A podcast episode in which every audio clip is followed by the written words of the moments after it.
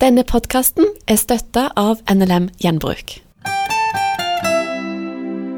Jeg fikk eh, tidlig opplevde jeg et uh, kall til å forkynne. Jeg kan faktisk fremdeles huske første gang jeg skulle forkynne. Da var jeg 16 år gammel og forkynte. Da hadde vi flyttet til Østlandet.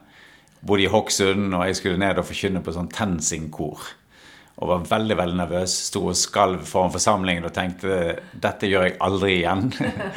Så, men eh, så fikk jeg oppleve det etterpå. Folk kom til meg og sa at de, hadde, ja, de kjente virkelig at det hadde nådd inn til dem. Eh, og ble spurt om å komme tilbake og forkynne mer. Og det var liksom starten på forkynnelse. da. Og jeg var søndagsskolelærer også for barn som da var ikke så veldig mye yngre enn meg sjøl. husker jeg, så det var spennende. Men etter hvert så um, Ja, på den tiden var, med, var, jeg var aktiv idrettsutøver, så jeg var med i krikk og opplevde det veldig fint å være en kristen idrettsutøver inn i vanlige idrettslag. Da, sant? Bare være der som en kristen og satse på idrett. Og, og gjennom dette, gjennom krikk, gjennom forkynnervirksomhet og sånt, så opplever jeg at det vokste fram et kall som har fått følge med hele livet, som går på dette med å, å nå de unådde eh, med evangeliet. Både i Norge, da, sant, når vi bor her, men også andre steder. Og vi har vi har bodd, eh, jeg og familien bodd i Aserbajdsjan noen år med det samme formålet. Sant? Å være der og nå unådde med evangeliet. Sånn at eh, det kallet der til å nå de som ikke ennå kjenner Jesus, det har vært der hele tiden. Og, og, det ønsker vi å være trofast mot. Og vi har fått oppleve egentlig sant, eh, flere, på, på, sånne viktige punkt i livet så har vi fått oppleve Guds klare ledelse da, inn i det vi skulle. Eh, og det samme nå i dag, eh, sant, etter vi kom tilbake fra Aserbajdsjan. Det er lenge siden vi var der. Vi var der fra 1996 til 2000, så mange, mange år siden.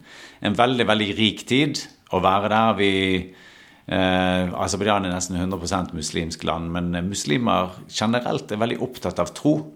Eh, og du får mange mange gode trossamtaler når når du er inne i sånne muslimske miljøer. sånn at Det kan jeg anbefale for folk å bare være der og få dele om sin tro. Da vi kom tilbake til Norge i 2000, så kjente vi Egentlig hadde vi kjent det allerede mens vi bodde i Aserbajdsjan, et sterkt kall til å starte et ressurssenter for eh, forretningsfolk, fagpersonell og studenter som ønsker å tjene Gud gjennom yrkene sine og gjennom studiene sine. da. Eh, og det ble starten på, eh, på, det som heter Tent i dag, som er den organisasjonen som jeg har jobbet i siden. da. Eh, og vi startet som et norsk ressurssenter, og i dag er det blitt internasjonalt. Da vi bodde i Aserbajdsjan, egentlig før vi reiste dit også, så kjente kona mi og jeg vi kjente et kall til å bruke yrkene våre. Hun var til å tjene Gud, og hun var, hadde bakgrunn fra Handelshøyskolen. Så kunne dette med business. Jeg var utdannet journalist. Eh, så vi tenkte når vi reiser til Aserbajdsjan, så kan vi jobbe med disse yrkene. da. Nå ble det til at vi, vi var utsendt der for det som het Sentralmisjonen på den tiden. Nordmisjonen i dag. og det ble til at vi jobbet med andre ting. da. Vi, vi startet mikrofinans, vi drev noe sånn kulturutveksling og sånne ting. Men ve veldig spennende, det også. Uh, men mens vi var der, så kjente vi på nytt et sånn kall til liksom, å bruke yrke, liksom, yrkesbakgrunnen vår. Og også at vi skulle starte et ressurssenter for det i Norge. Da, og det skulle hete Tent og alt. Det kom liksom som en sånn plan, nærmest ferdig plan. da. Og vi kjente på det Jeg kan ta det er egentlig en lang historie, men jeg kan gjøre det kort. Så vi kjente på det og, spurte i bønn til Gud så spurte vi er, dette, er disse planene fra deg. Eller er det fra oss sjøl? Fordi av og til når du skal starte nye ting, så føler du kanskje bare er det vi sjøl som har fått ambisjoner og sånn. Så vi trengte å vite at det var fra Gud. Og, så vi ba uh, veldig konkret og sa liksom, du må vise oss om dette er fra deg. Og vi ba lenge og uten at vi egentlig følte at vi fikk noe svar. Så til slutt så gjorde vi noe som uh, jeg bare har gjort noen få ganger i livet. Og det var at vi ba om et tegn. Så sa vi Vi ba om et helt konkret tegn. Vi sa, eh, vi sa til Gud at eh, hvis, du, hvis, det, hvis, disse planene er fra deg, så må du sende en person til oss som sier at dere skal starte en ny misjonsorganisasjon. Og hvis du sender en person som sier det, så gjør vi det. Hvis ikke, så gjør vi det ikke. Så vi bare la alt fram sånn, og så kom vi til å følge det som var. liksom, Fikk vi tegnet, så ville vi gjøre det. Og så gikk det jeg tror ikke det gikk så veldig lang tid, så kom vi til 29. februar. Det var skuddår i 2000. Eh, og da eh, våknet vi opp tidlig, eh, kona og jeg. Vi bodde fremdeles i Aserbajdsjan. Vi våknet opp tidlig, så sier kona at jeg våknet med en sånn veldig underlig følelse i dag. Altså, det er akkurat som noe godt kommer til å skje. Kanskje er det Kanskje får vi besøk eller noe. Og jeg tenkte ja, ja. Hvem vet? Så, så, etter at jeg gikk på jobb Jeg jobbet mikrofinans, eh, med mikrofinans der, og vi lånte ut penger til fattige, så de kunne starte forretningsvirksomhet. Så eh, jeg gikk dit, og da hadde kona mi Birgit hadde en stille stund. Og hun sa det var akkurat som eh, ordene helt på slutten av Salme 20 sto opp foran henne. og det det står 'svar oss den dagen vi roper til deg'. Så hun følte i dag kommer svaret på spørsmålet. da. Eh, og så kom jeg hjem, og på den tiden hadde vi Vi har fem barn i dag, men på den tiden hadde vi tre barn, og eldstegutten eh, Eirik var tre, nei, var fem, og nummer to Trygve var tre, og Sigrid på ett år. da. Så kom vi hjem, og vi vi setter oss ned rundt middagsbordet. Jeg kan si at Vi hadde bare snakket om disse planene, Birgit og jeg. Det var bare vi to som visste det, pluss noen få ledere i Norge. Men idet vi setter oss ned rundt eh, middagsbordet der, så sier plutselig Eirik på fem år så spør han liksom Hvordan, hvordan starter en egentlig en ny eh, misjonsorganisasjon? Eh, så, så, så, så jeg på han, og så sier jeg eh, Hvorfor spør du om det, Eirik? Så sier han jeg syns dere skal starte en ny misjonsorganisasjon. Ja, da, så da ser jeg på Birgit, og, og så ser jeg tilbake på Eirik, så sier jeg Eirik, nå tror jeg faktisk Gud talte gjennom deg. Og med en gang så snudde han seg til lillebroren sin og Trygve på tre. Så sier han Trygve, har Gud noen gang talt gjennom deg? Så det var liksom første reaksjonen.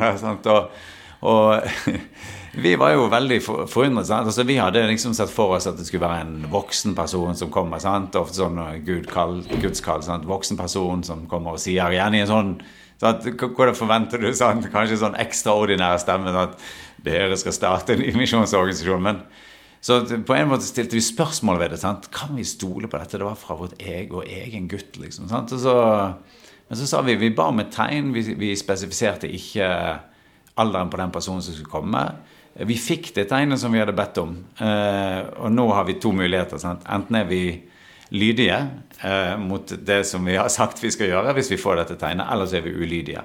Er vi lydige, så må vi starte eh, tent. Og da vi kom til Norge den sommeren, så trodde vi egentlig at vi bare skulle sette det i gang, og så skulle vi reise tilbake til Aserbajdsjan. Fordi vi, vi, trivdes veldig godt der. Vi opplevde egentlig at da vi dro dit, så opplevde vi at Gud hadde kalt oss dit. Sånn at eh, vi trodde vi bare skulle sette i gang og så reise tilbake. Eh, men så skjønte vi egentlig i perioden som vi var her i Norge For det første så vi at Gud hadde forberedt grunnen helt. Det var liksom klart til å starte. Vi tok kontakt med folk som hadde samme ideer som vi visste om. Og det var liksom klart til å starte. Og så, skjønte, så det var jo bekreftelse. Og så skjønte vi også at vi måtte flytte tilbake til Norge. Eh, som vi gjorde med, egentlig med ganske stor sorg. Eh, men da 11. november det samme året, eh, altså i 2000, så startet vi Tent her i Norge. Og, eh, og så har vi fått jobbe i det siden, da. Rekruttere folk, utruste de og sende de ut. Så det har vært, det har vært en fantastisk reise, egentlig Tent det er altså en misjonsorganisasjon som jobber for å rekruttere, utruste og følge opp kristent fagpersonell, og det gjelder forretningsfolk og studenter som krysser kulturgrenser for å tjene Jesus gjennom liv og arbeid. Og eh, et mål det er å ha en kristen kollega på enhver arbeidsplass. Altså tro og arbeid skal gå hånd i hånd. Ta med deg yrket ditt Etabler deg på nye steder. Fortsett å forkynne og dele det livet du har med Jesus, sant? med folk rundt deg. Lev, Vis dem hva det vil si å følge Jesus i en vanlig yrkeshverdag. Bare, bare, vis det. Så eh, du trenger ikke i denne i teltmarkedet, du trenger ikke uh, egentlig støtte utenfra. Du, du, jobber, du tjener. Uh, du modellerer hva det vil si å leve som en kristen i en vanlig arbeidshverdag. Og så kan andre gjøre akkurat det samme. Da. Sånn at det er noe som er viktigere enn min komfort, og noe er viktigere enn mitt liv. Sånn, det har også vært en bærebjelke i norsk misjon. Noe er viktigere enn mitt liv. Sant? Og det er faktisk at folk de får høre evangeliet om Jesus. Og, og, det tror jeg er viktig i det der perspektivet der. At livet her er jo utrolig kort. Sant? Så det har egentlig litt underordnet betydning da, sant? i forhold til det store som ligger der foran oss. Og Kalles og Steinar og hans kone Birgit hadde fått stadfestet fra Gud gjennom sin da fem år gamle sønn, det spredde seg allerede etter ca. fem år til store deler av verden. Tent de har i dag voksne nasjonale ressurssentre i både India, Nigeria, Brasil, Liberia og Den dominikanske republikk, pluss at nye sentre er under etablering i flere andre land. Vi overlater det i Guds hender, og så så ber vi om at vi bare går der han ønsker at vi skal gå. Sant? Og så ser vi at det åpner seg eh, veier da, eh, og nye muligheter. Så det har vært en fantastisk reise helt fra begynnelsen av og til i dag. Og, og, og, og den fortsetter. Sant? Det fortsetter. Mm. Her ber dere, du og konen din, og så bruker Gud den lille gutten din på fem år, og så ser vi at det har ført til konsekvenser for store deler av verden. Ja, det har vært eh, fantastisk å se. Sant? Og, det Ja. Vi, vi, forventet ikke, vi, forventet ikke, at eh, Kalle skulle bli bekreftet fra egen, vår egen sønn. Sant? Men utrolig stort å se. Sant? Eh, alle kan jo tenke med seg sjøl. Det er sikkert mange som lytter på dette programmet som, ikke, som har barn. og så Altså, har dere fått det spørsmålet liksom, fra deres egne barn, fra fem år gamle barn, hvordan kan du starte en ny misjonsorganisasjon? Det er ikke sånne tanker som som barn kommer opp med av seg selv. Men eh, det morsomme er at uh, vi, et, uh, vi, var på et sånn seminar sammen, han Eirik og jeg. da, Nå, nå er han en voksen mann, med, han er 25. Så vi var på seminar, og så fortalte han sin side av historien. da? Og han sa bare at det var en tanke som hadde kommet han flere dager før han sa dette til oss. liksom at bare tenkte at ja, mamma og pappa de burde egentlig starte en ny organisasjon. Og sånn, sant? Og så, og sånn, Når han spurte det, så var det egentlig som et barn som bare spør. liksom, sant? Hvordan, hvordan, gjør, hvordan kunne dere gjøre det? Sant? Så det er veldig interessant. det der. Så, men det er morsomt også, det gjorde veldig inntrykk på han den gangen. og sant? Han var fem år gammel, og vi bodde jo der, og vi, sant? han var i barnehage i Aserbajdsjan. Og husker jeg kjørte han hjem fra barnehagen Sant? Og så, eh, og så, og så eh, satt han i baksetet i bilen, sant? så sier han plutselig 'Pappa, er jeg en profet?' så han, han lurte på det, da. så det er jo interessant. Vi opplevde flere ganger at, eh, at Gud brukte han faktisk og talte gjennom han da inn i våre liv. Så det var, det var kjempefint. Ja, veldig fint. Ja. Dere levde i 14 år uten lønn bare med å stole på Gud. Kan du fortelle litt? Der? Ja, det er, jo, det er jo, ganske utrolig. Sant? Men uh, da vi kom tilbake hit uh, i 2000, da, så, uh, så, så, så vi vel Da vi skjønte at vi måtte flytte tilbake, så skjønte vi også at ja, tent jo, Når du starter noe nytt, så er det ikke noe penger i systemet. Sant? Så det må måtte bygges opp. Så vi forsto jo at vi kom til å måtte leve uten lønn. da vi skulle jobbe fulltid i dette, så ble det, ble det, uten lønn. Så, ehm, men vi kjente samtidig veldig sterk kall, så vi, vi, gikk i gang. Eh, og vi hadde Vi sa faktisk eh, i bønn til Gud, fordi at vi er ikke noen sånne folk som eh, egentlig liker å spørre andre om å gi. da, så så vi sa også at Gud, nå må du sørge for oss. Vi kommer ikke til å spørre noen om å gi. Det Du må sørge for at pengene kommer inn.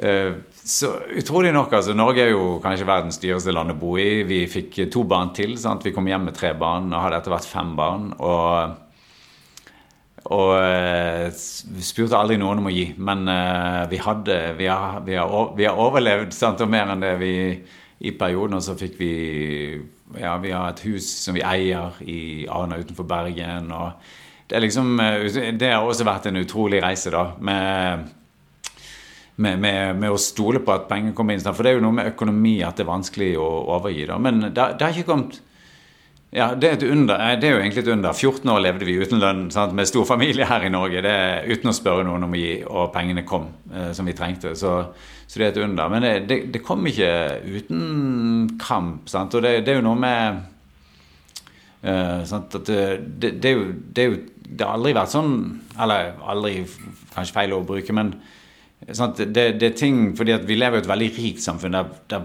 der mange familier har veldig veldig høy inntekt. Det, så det er mange ting som, som andre familier har kunnet gjøre, som vi ikke har kunnet gjøre i, sant, i oppveksten. og sånn. Men jeg opplever at vi har fått kunnet gjøre det som er viktig. Sant? Vi har fått være sammen. Det har vært, eh, det har vært kjempefint. Og, og, og vi, vi, har jo også opplevd oss veldig rike. altså Det, det kommer alltid an på hvem du sammenligner det med. Sant? Hvis du sammenligner det ut av Norge, så har vi vært veldig veldig rike.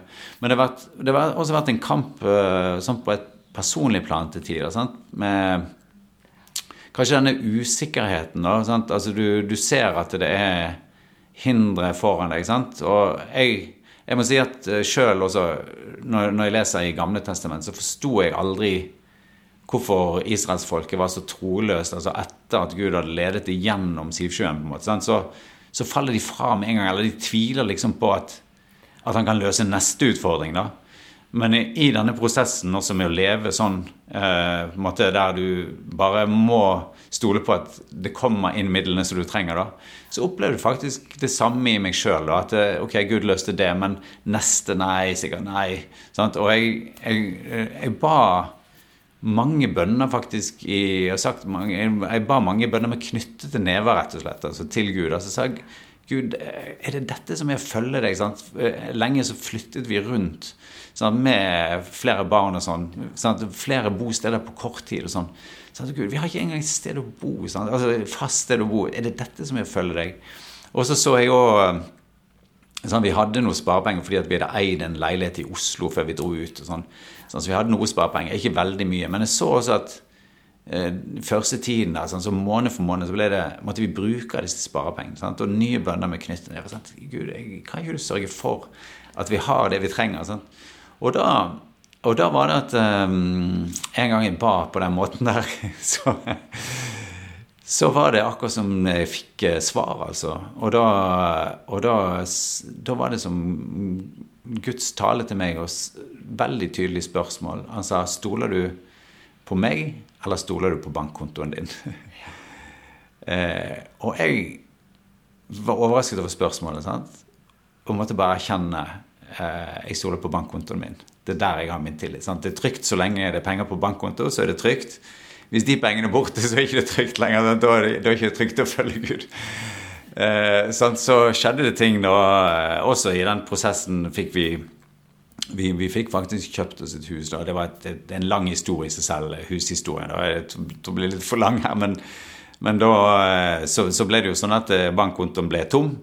Eh, og vi måtte bare leve helt liksom, der på grunnplanet. på en måte, sant? At vi var helt 100% avhengig av at uh, midlene kom inn. Og det, og det, har vært veldig veldig lærerikt. veldig lærerikt. En, en lærer seg etter hvert å leve i tillit. Og jeg tror at Jeg har spurt mange ganger, lurt på hvorfor kommer Sånn som der også, da. Nå, nå gjelder jo dette penger, som er bare materielle ting. Men hvorfor, hvorfor kommer hjelpen så seint? Altså, hvorfor kommer ikke det bare tidligere? hvorfor får du det i siste liten, eller egentlig litt Du opplever det sjøl for seint. Og, og det kan jo overføres på andre ting som en ber om òg.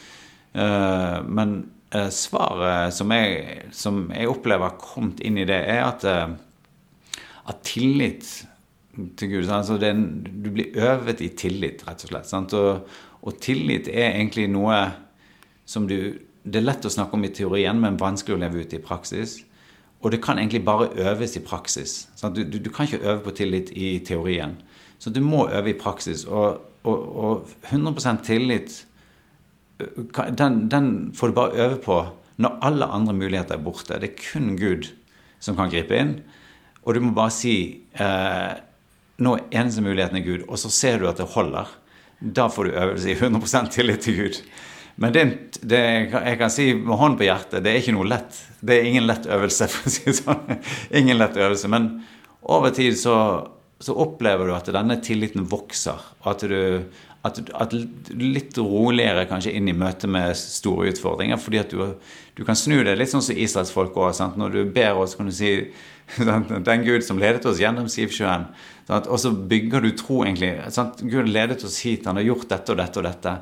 Selvfølgelig kan han også løse det som nå ligger foran oss. Det, det, det, er fint å få leve i den, i den tilliten, da. Det er det. Mm. Så dere lever med at det er noe som er større enn dere i livet? Ja, ja da. Vi, vi, vi, ønsker å leve sånn, og det er absolutt noe som er større enn oss. Og, og sånn er vi. Sant? Så høres det sikkert det høres jo sikkert uh, ut som vi er veldig prektige mennesker, og det kan jeg bare si at det, det opplever vi oss nok ikke som, da. Sant? Men vi ønsker å leve der uh, sammen med Gud, og vi har fått oppleve disse store tingene med Han. Og så har vi våre ting i livet også, sant? som uh, vi Hit og dit. sånn vi er, ikke, vi er ikke på en egen planet, på en måte. Sant? Altså, vi lever her og på, på, på, godt og vondt. sant?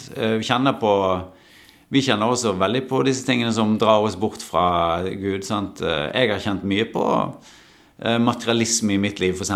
Ikke, ikke, ikke, ikke det at jeg har lyst til å kjøpe verdens vakreste bil og sånn, men, eh, og, og, sånne ting. Men det, det liksom, kan gå på sånne småting som du kjenner at du blir ja, liksom sånn, ja, det skulle jeg gjerne hatt. Og, så, og, så, og så fanger det deg eh, for en periode, da. sant?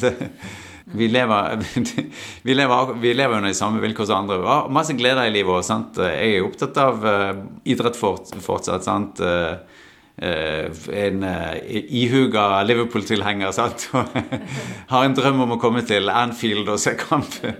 sånn at det, vi lever ikke bare i en sånn åndelig virkelighet, for å si det sånn, sant? men det leves ut her på jorda. Så det, det hører med. Er boden eller klesskapet ditt blitt fullt med ting som ikke er i bruk? Gjennom NLM Gjenbruk kan din kjole eller dress bli til rent vann for mennesker i Afrika, eller til nye skolebøker for unge i Sør-Amerika. Våre gjenbruksbutikker tar imot det meste, men husk at det du leverer er rent, helt og pent. Vi er behjelpelige med henting, og kan også ta imot dødsbo. Finn din nærmeste butikk på nlmgjenbruk.no. Velkommen til oss. Du har hørt en podkast fra Petro. Du finner masse mer i vårt podkastarkiv på petro.no.